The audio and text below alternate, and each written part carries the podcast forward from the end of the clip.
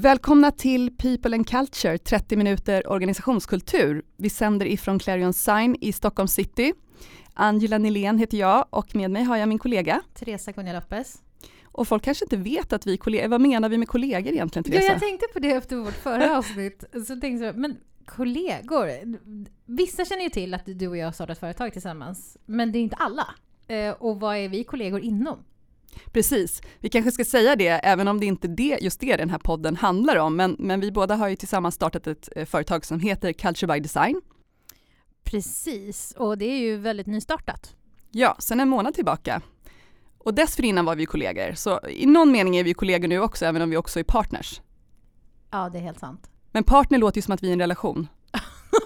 det är väl typ så på ett sätt egentligen. Men, men i alla fall, precis som Angela som du är inne på, det är det här med att den här podden, den ska ju handla mer om just det här, det som vi brinner för, det vårt företag arbetar med också, organisationskultur.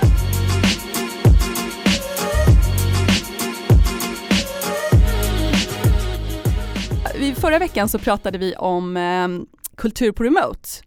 Och då berörde vi eh, rekrytering och onboarding, vilka processer, hur man behöver tänka i sina processer och strukturer kring just rekrytering och onboarding när vi har ehm, en situation där man befinner sig på remote. Och det kan ju antingen vara bolag som faktiskt är uppbyggda på det sättet, men det kan också vara tillfälligt i till exempel den här coronasituationen som vi befinner oss i. Och vi ska fortsätta på det temat i det här avsnittet. Ja, precis. Vi lovade ju faktiskt eh, våra lyssnare att vi skulle fortsätta på det här ämnet även under det här poddavsnittet. Och eh, den här gången så tänkte vi prata om ledarskapet och vi tänkte även prata om individen och teamet. Här finns det ju hur mycket som helst att, att prata om och vi har ju lovat att hålla oss till 30 minuter så att vi kommer ju komprimera här naturligtvis. Och skulle det vara så att det är saker som dyker upp som ni känner det här eh, vill jag höra mer om eller varför tog ni inte upp det här? Får ni jättegärna mejla oss frågor till hello at culturebydesign.se.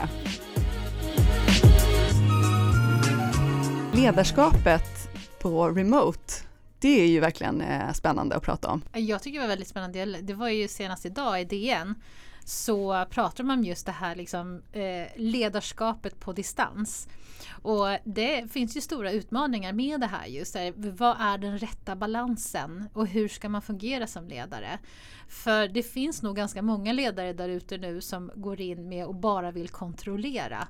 För kanske känner så här att men jag har inte koll på vad mina medarbetare gör. Hur ska jag säkerställa att de faktiskt gör det de ska göra? Där tror jag att eh, där måste man rannsaka sig själva lite. Är det verkligen rätt sätt att leda? Mm. Det handlar snarare om att faktiskt gå in och finnas där snarare. Mm. Och se individerna, lite som de pratar om i den här artikeln idag. Så att se individen snarare än att se det som en stor massa som alla behöver samma sak. Du kommer ha individer som känner mer så här, ja men låt mig bara göra mitt jobb. Jag kommer leverera, vi kan ha avstämningar. Men så finns det ju de, om man nu ska prata introverta och extroverta. De här extroverta som sitter själva hemma och kanske känner så här, jag får ingen energi. Jag känner mig ensam. Jag får inte den här motivationen som jag brukar få av att ta den där lilla fem minuten på fikarasten och bara få lite energi. Och då är det superviktigt att man som ledare är eh, tillgänglig och hör av sig och stämmer av och bara kolla läget. Jag tänkte på det här du sa om den här artikeln i DN mm. när man egentligen behöver individanpassa lite grann skulle säga att det ställs ju nästan ännu större krav på tydlighet och saker. Vad man behöver göra, vad man ska göra, vad man har för mål och så vidare när man jobbar på distans eller på remote. Ja, för finns inte tydligheten så kan det ju bli otroligt stressande för en medarbetare. Liksom hur, vad förväntas jag ha klart? Vi har inte de vanliga veckomötena och avstämningarna. Och hur mycket förväntas jag göra på en dag? Och vad kan jag ta beslut kring? Det är ju väldigt många saker som kan skapa en, en ovisshet. För det är ju någonting vi alltid säger, har man stort eget ansvar så ställs det jättemycket krav på att det behöver tydliga förväntningar, man behöver veta precis vad man har för mandat, man behöver kunna påverka sitt arbete. Och det här är ju någonting vi också brinner för. Det pratas väldigt mycket om självledarskap överallt. Ja. Vad tycker vi om det? Nej men alltså vi, så här, vi, vi vill ju bara sticka ut hakan Vi vill ju faktiskt säga så här, skrota självledarskapet och inför medledarskap. Och det handlar ju om att man tillsammans, man medleder med ledarna. Att en ledare är ju en möjliggörare för en medarbetare för att kunna ta sina beslut och att den ska veta vilka förväntningar den har. Men det behöver man göra tillsammans. Man behöver skapa strukturer och processer tillsammans. Ja, men hur jobbar vi på distans, på remote? Vilka förväntningar har du på mig? Vad kan jag ta för beslut? Allt det här handlar ju om en dialog, det är en tvåvägskommunikation helt enkelt. Jag tänker så här, självledarskapet, att det är så i ropet, vad är det man är ute efter egentligen? Vad är syftet med att folk vill ha självledande organisationer idag? Det handlar ju väldigt mycket om att vara effektiva mm. och att kunna, eh, inte, jag menar, det finns ju de organisationer som har den här visionen av att har du självledande medarbetare så behövs ju nästan inga ledare. Att det ska vara platta organisationer där alla sköter sig själva. Jag tycker du formulerade det så himla bra där. Du kan berätta det du sa om det här just med att liksom självleda. Vad är egentligen förutsättningen för att kunna självleda? Ja, men det är precis det. Ska jag leda mig själv då behöver jag verkligen ha supertydligt vad det är jag ska göra, mm. när jag ska göra det, vad ska, hur ska jag prioritera så att jag inte behöver ha en ledare som jag ska fråga konstant. Det är därför jag tycker just precis som du pratar om här att självleda, den termen är jag lite allergisk mot mm. därför att den är missvisande. För ledare behövs på ett lite annorlunda sätt. De behöver vara ännu mer tydliga med att förmedla vilka ramar som finns. Mm och behöver finnas där när man behöver som medarbetare. Så att där, ehm, där finns det ju väldigt mycket att prata om och vi ska inte fastna för mycket i det. Det är lätt hänt att vi gör det. Ja.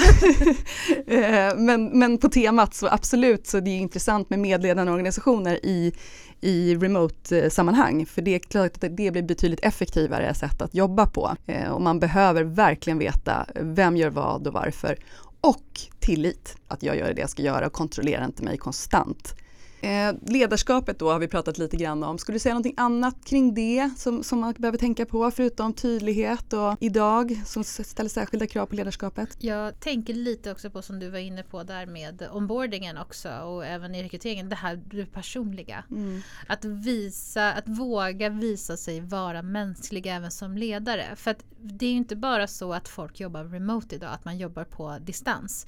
Det är väldigt många som är rädda där ute idag. Det håller jag verkligen med om, ett mänskligt ledarskap. Jag tror att det är lätt att glömma bort. Jag tror att många förknippar det här mänskliga med att visa sig svag. Ja, och det är ju precis tvärtom egentligen. Eller rättare sagt, vad är det som är fel med att visa sig svag? Mm. Vad är det som säger att du skulle vara en sämre ledare? Det handlar snarare om att visa att man är mänsklig på ett sätt att man kan förstå att man kanske har sin mamma och pappa eller farmor och farfar som faktiskt är en riskgrupp. Och det handlar ju speciellt nu, menar, vi förespråkar alltid att man ska vara mänsklig i sitt ledarskap, men speciellt nu att kunna sätta sig in i medarbetarna som sitter där hemma och som kanske har svårt att fokusera på jobbet för att det är så mycket annat runt omkring. Det finns ju faktiskt studier som visar att man är mer benägen att följa någon man kan identifiera sig med. Vilket tyder på att visar du dig mänsklig som ledare så har medarbetarna lättare att känna igen sig i dig och därmed också lättare att följa dig. Så det är ju verkligen så. Eh, jag tror att det är något gammalt vi lever kvar med, den här gammaldagsa leden som ska stå och vara stor och stark och allsmäktig. Där man liksom ska veta allt och man ska inte visa sig svag och så vidare. Det har man ju så länge förkastat. Det kan man ju se till och med på politiker, att de har förstått att de måste vara mänskliga. De kan inte bara stå och liksom visa sig som någon slags härskare. De kommer inte särskilt långt med det. Så det är verkligen, jag håller med dig och speciellt i de här, ähm, de här tiderna att kunna visa att man förstår, vi sitter i samma båt, det är liksom en, en tuff situation just nu. Det fick mig också börja tänka på den här boken eh, Behovsanpassat ledarskap med Stefan Söderfjell. Där pratar han ju väldigt mycket om det här med att vara motiverad, det finns olika typer av motivation. Och då tänker jag också på just det här med att vara mänsklig, för att vi människor fungerar så att du kan antingen ha moroten och piskan och det är också den gamla, det, det, gamla ledarskapet. Det är ju den som liksom säger om du gör det här då får du det här. Eller om du inte gör det här, ajabaja, då kanske det leder till det här. Det gör att en människa känner sig motiverad till en viss grad. Den kanske springer halva det där loppet. Men har man däremot som ledare fått en medarbetare att förstå inom sig själv, man pratar om det här med en... Hitta sin inre motivation. Inre motivation, mm. exakt. Då blir det en helt annan motivation som håller hela milen om man nu ska prata i sådana termer. Här skulle jag också vilja fylla på med transparensen och det går lite hand i hand med det här att eh, det är en viss oro idag. Man vet kanske inte vad som kommer hända eller om det är fler kunder som drar tillbaka sina affärer och så vidare som kanske innebär fler förändringar än de man redan har gjort i, en organisation. Men transparensen blir ju jätteviktig då, att våga säga som det är. Vet man inte hur det kommer att se ut, men säg det. Säg att jag vet inte, jag vet hur det ser ut just nu, så här ser det ut nu om två månader så vet vi inte, det kan innebära fler förändringar och så vidare. Att våga säga att man inte har alla svaren, det, det gör ju att man som medarbetare får en högre grad av tillit till ledaren. Det tycker jag är ett väldigt bra exempel också som vi har från vår gamla kollega Tove. Hon berättade ju när hon eh, jobbade utomlands, bodde utomlands i några år och eh, där stod hennes dåvarande arbetsgivare inför en situation där de alla de, antingen skulle de säga upp folk eller så fick alla gå ner i lön. Eh, jag tror det, sagt, det kanske var att de fick eh, eh, alla blev av med en månadslön eller något sånt då, för att slippa sparka. Eh, och alla fick det valet. De gick ut och sa som det var, vi har den här utmaningen, vi har de här två alternativen. Eh, och alla valde ju att avstå en månadslön för att den här personen skulle kunna vara kvar. Så det här tycker jag är ett fantastiskt exempel på att vara transparent, vara mänsklig, inkluderande och att medarbetarna också får ta ett ansvar apropå medledarskap. Man ska ju precis, man ska inte underskatta medarbetarnas vilja till att vara med och hjälpa till i svåra situationer. Eh, man kan också använda sådana tillfällen till innovation och få medarbetarna att vara kreativa och tänka ut lösningar på problem som uppstår. Så, så därav vikten av att vara transparent. Då får man nytta av all kompetens man har i organisationen. Men sitter man och håller på saker så kan man heller inte få hjälp. Ja, så förutom ledarskapet så är även det här med individen otroligt viktigt. När det gäller individen så handlar det ju egentligen om alltså hur får man ut det mesta möjliga av, av individerna i organisationen. Vilka förutsättningar lägger man på plats för att de ska kunna vara sitt bästa jag och eh, leverera på topp? Precis, och här är det ju det det krävs ju väldigt tydliga förväntningar från ledarskapet, precis som vi har pratat om innan. Men det är också det här med individen, att vilka förutsättningar har man att jobba hemifrån? Har man försett individen med allt från wifi till eh, en bra dator, eh, tillgång till dokument och så vidare. Det här kräver ju verkligen att organisationer har försett sina medarbetare med så cloud-lösningar. Man kan spara upp i molnet. Eh, så att det är liksom allt det här rent hygienfaktorer kan man ju prata väldigt mycket om här. Eh, egentligen. Precis, hygienfaktorer och då kanske de hårda eh, värdena, arbetsredskapen helt enkelt. Ja, precis. Men när vi pratar tydlighet i förväntningar då, vad, ska vi vara lite, förklara det egentligen lite mer? Ja, men, eh, för mig innebär det ju att man sätter tydliga förväntningar tillsammans med medarbetarna. Man behöver ju sätta en plan för den här individuella medarbetaren och den kan se olika ut från person till person. Så man behöver ju sätta, ja men vad ska vi åstadkomma den här veckan? Hur ofta vill jag som individ som medarbetare att min chef ska höra av sig till mig när det gäller allt från avstämningar och bara checka läget och så vidare. Så det där är verkligen tydliga förväntningar. Man behöver egentligen sätta det tillsammans med sin ledare. Här är också individens ansvar i det hela. Jag ser också det utifrån individens perspektiv. För att en ledare kan göra väldigt många saker men om den inte får veta vilka vad ska jag säga, förutsättningar, förväntningar medarbetaren har, då kommer det aldrig lyckas i alla fall.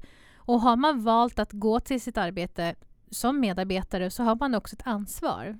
Man kan prata väldigt mycket om eh, rättigheter och skyldigheter. Och här har man som medarbetare en skyldighet att säga det att det här är det jag behöver för att kunna känna att jag kan göra mitt bästa. Och jag tänker också på att eh, tydlighet i förväntningen behöver ju också vara kopplat till någon form av mål. Ja. Och här tror jag många organisationer gör bort sig, eller går bort sig lite grann att de eh, pratar om målet på ett väldigt övergripande nivå och det är inte alltid så att man som medarbetare känner så stark koppling till det målet. Särskilt tänker jag i större organisationer, det kan bli väldigt diffust och väldigt långt bort.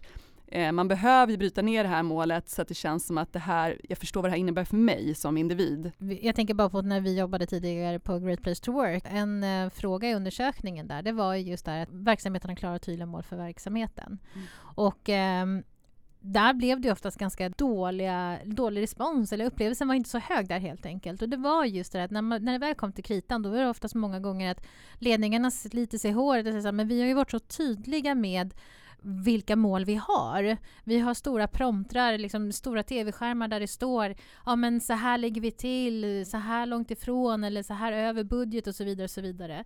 Men medarbetaren själv förstår inte det här. Och nu speciellt i de här utmaningarna när man inte är på plats heller så kanske man bara får ett mejl med massa siffror och så liksom, men vad, vad, hur påverkar det min vardag och vad har jag gjort för att åstadkomma det här resultatet? Så är det superviktigt att man verkligen följer upp på ett mycket tydligare sätt. Vad är individens egna prestationer i det här och vad behöver den göra? Och det är bra att du tar upp siffror tycker jag, för att det är också någonting som är vanligt att man glömmer bort att eh, sätta annat än siffermål. Det är olika hur vi är som individer. En del tilltalas väldigt mycket av siffror och gillar att, följas på det sättet, men andra kanske vill ha andra formulerade mål. Så det kan vara bra att översätta sina siffermål också i, men vad innebär det här? Vad är det vi vill åstadkomma? Eh, och sen så ledarskap, individen, vi pratar tydliga mål och förväntningar.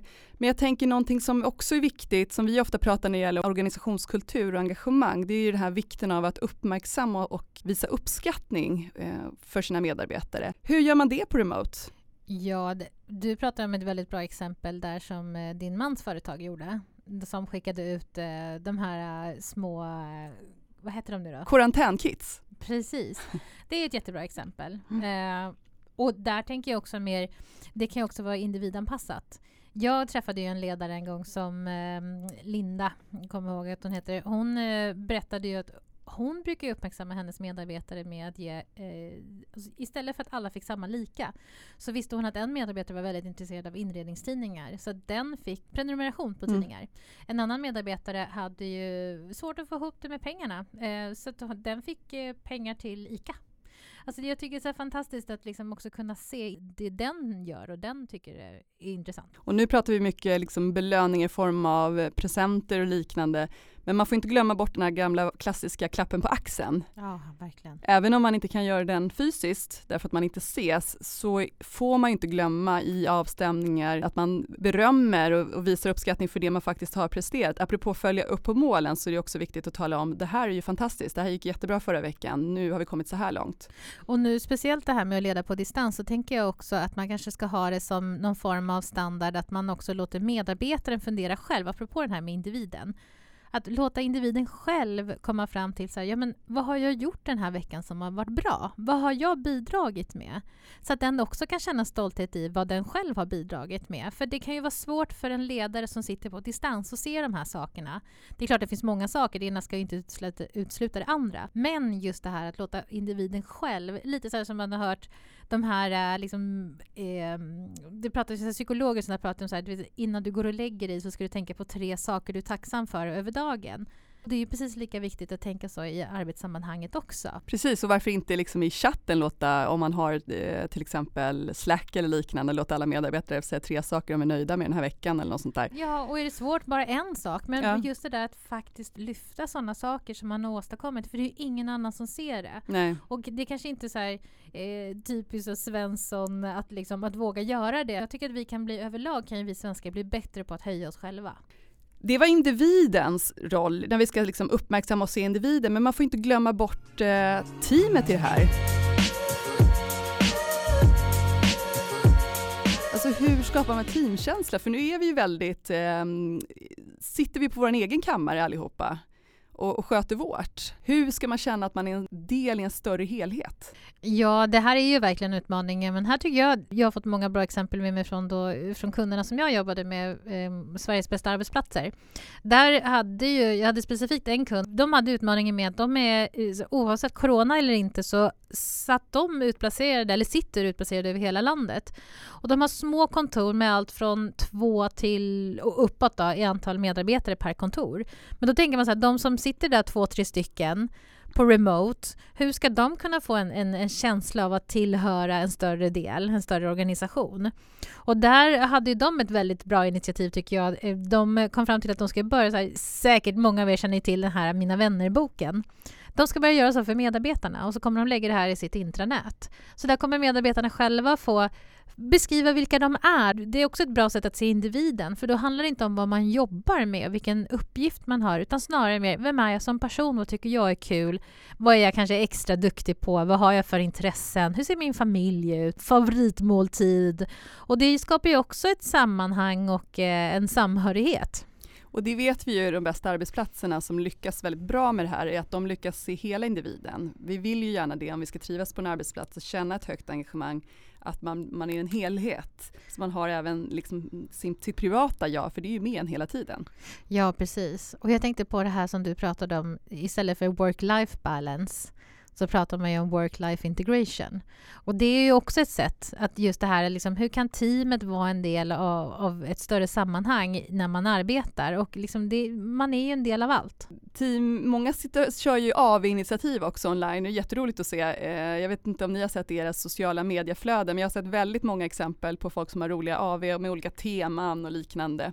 Jag läste förresten om någon som hyrde ut sin eh, get som man kunde ha med. Förlåt? ja, det är sant. Jag tror det var en bonde i USA som hyrde ut sin get per timme. Så man kan ha med den i sitt teamsmöte om man vill. Eh, jag vet inte om man har fått in några... Jag tänkte så hur får man ihop det här, en get och team?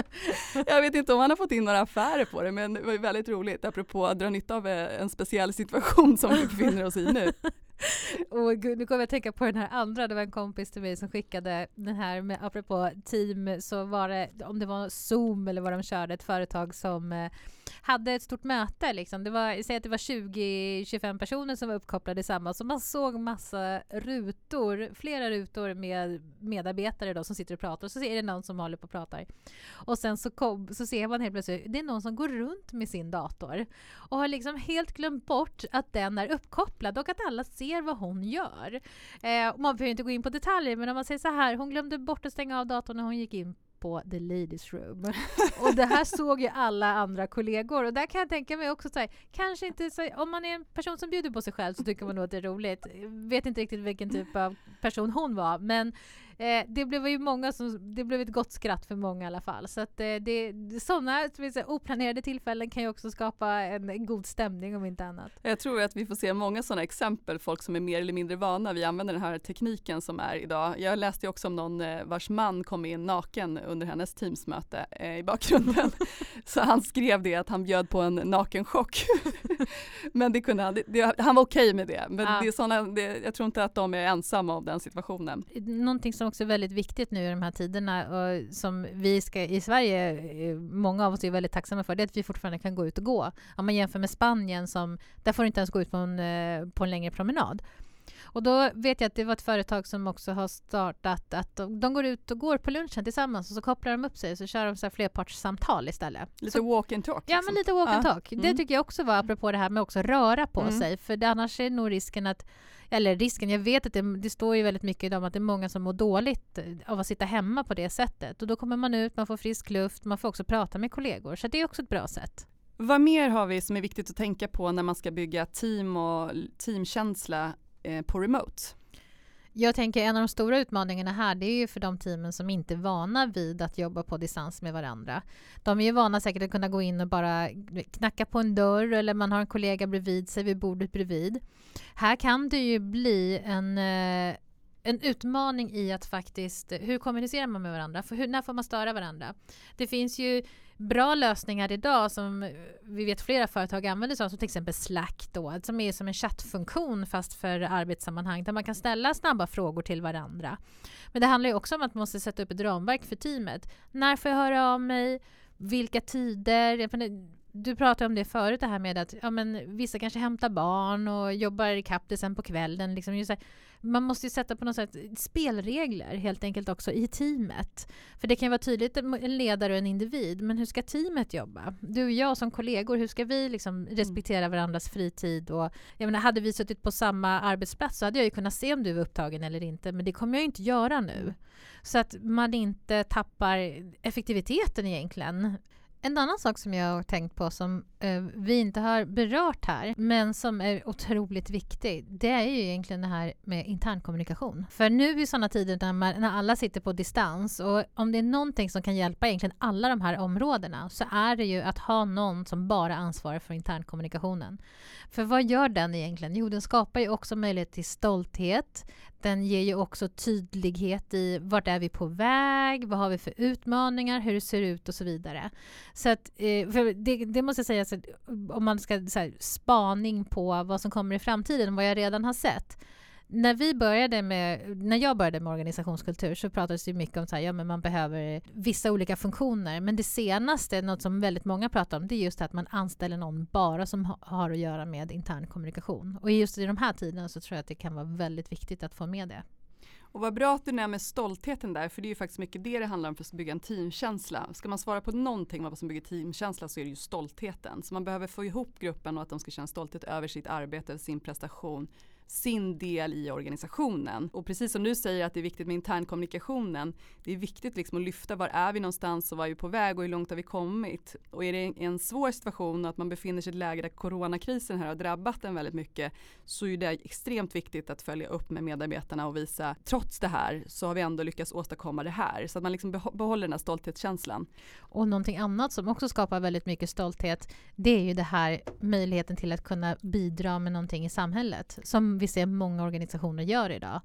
Det är ett ypperligt tillfälle nu att verkligen eh, se till att vara med och bidra på det sättet man kan. Har du några intressanta exempel att ta upp där? Nej men jag tänker bara så, allt från klädmärken till, eh, vad var det, Absolut Vodka nu som mm. ställer om helt och gör skydds, skyddsutrustning och mm. handsprit och sådana saker. Alltså bara det. Jag har ju kompisar som eh, mm, driver kafén som istället för att ta emot kunder, de får pengar swishade till sig och så ordnar de med eh, fikabröd och eller luncher och allt sånt där och levererar det till sjukhusen istället. Så där är ju väldigt många bra exempel på så här, hur man då kan ta någonting som är så utmanande och svårt för många och skapa stolthet. Det är jättebra exempel. Jag läste om någon som eh, ett IT-bolag som erbjuder programmeringskompetens som säger att vi, vi ställer gärna upp med gratiskompetens för att utveckla någonting som, har, som skulle kunna hjälpa till i coronatid. Så ställer de upp med sina medarbetare alltså, som de förmodligen då har tillgängliga eller har tid över för att de kanske har mindre att göra eller något. Och det är också sånt där, det, det, kan ju ligga en väldigt nära så att man kan använda de kunskap och kompetens man har eller de resurser man har och försöka se vad kan vi göra som skulle kunna bidra på ett sätt och involvera medarbetarna i det. Det är ett jättebra att låta dem få komma med idéer och förslag. Ja, exakt. Och det ser vi ju överhuvudtaget. Så det här med att känna att man bidrar med någonting eh, till samhället, att det man gör i sin egen roll det, det, är också en, en stark drivande faktor till att man känner sig mer engagerad och motiverad. Och jag tror också det vi pratade om Simon Sinek i förra avsnittet eh, och han har ju även pratat om det här just att uh, start with why. Varför gör vi det vi gör och kan man göra någonting? Och han pratar ju även om det här med millennials att uh, vi ser nu att de som kommer in nu på arbetsmarknaden de är ju otroligt drivna av just det här higher purpose. Och uh, kan man då göra en omställning i sådana kristider som vi ändå befinner oss i nu så kommer det här skapa ett otroligt eh, engagemang men också lojalitet. För att känner man liksom det här företaget jag arbetar för gör det här lilla extra för några andra så har man väldigt mycket att vinna på det som organisation. Jag skulle säga att det här är ett jättebra tillfälle att lära sig om vad CSR verkligen handlar om. För de organisationer som har svårt att förstå riktigt CSR-frågan som det blir, blir vi skänker lite pengar istället för en julklapp till Rädda Barnen eller så vidare. Så, så handlar ju CSR verkligen om med corporate social responsibility som det står för. Att vad, vad, kan vi, vad kan vi ta för samhällsansvar? Det, det var allt för den här veckan va Teresa? Ja, vi eh, har ju pratat om vad vi lovade tänkte jag säga, men eh, vi har ju dels pratat om det här med eh, ledarskapet eh, och hur leder man på remote. Vi har också pratat om individen och nu teamet och så mm, summerar vi upp det just där med, där med internkommunikation och CSR också. Ja, precis, som är en stor och viktig del i att bygga team och teamkänsla. Och nästa veckas, eller nästa veckas, nästa avsnitt kommer att handla om eh, dysfunktionella organisationer, eller dysfunktionell organisationskultur där vi kommer att prata lite grann om vad finns det för olika problemkulturer och, och hur kan man jobba för att komma ur de problemen. Precis. Och som sagt, har ni förslag på gäster ni vill att vi ska bjuda in eller samtalsämnen vill att vi ska ta upp så kan ni kontakta oss. På hello at culturebydesign.se. Ni får ha en fortsatt trevlig dag så hörs vi igen. Tack för oss. Tack för att ni lyssnade. Hej.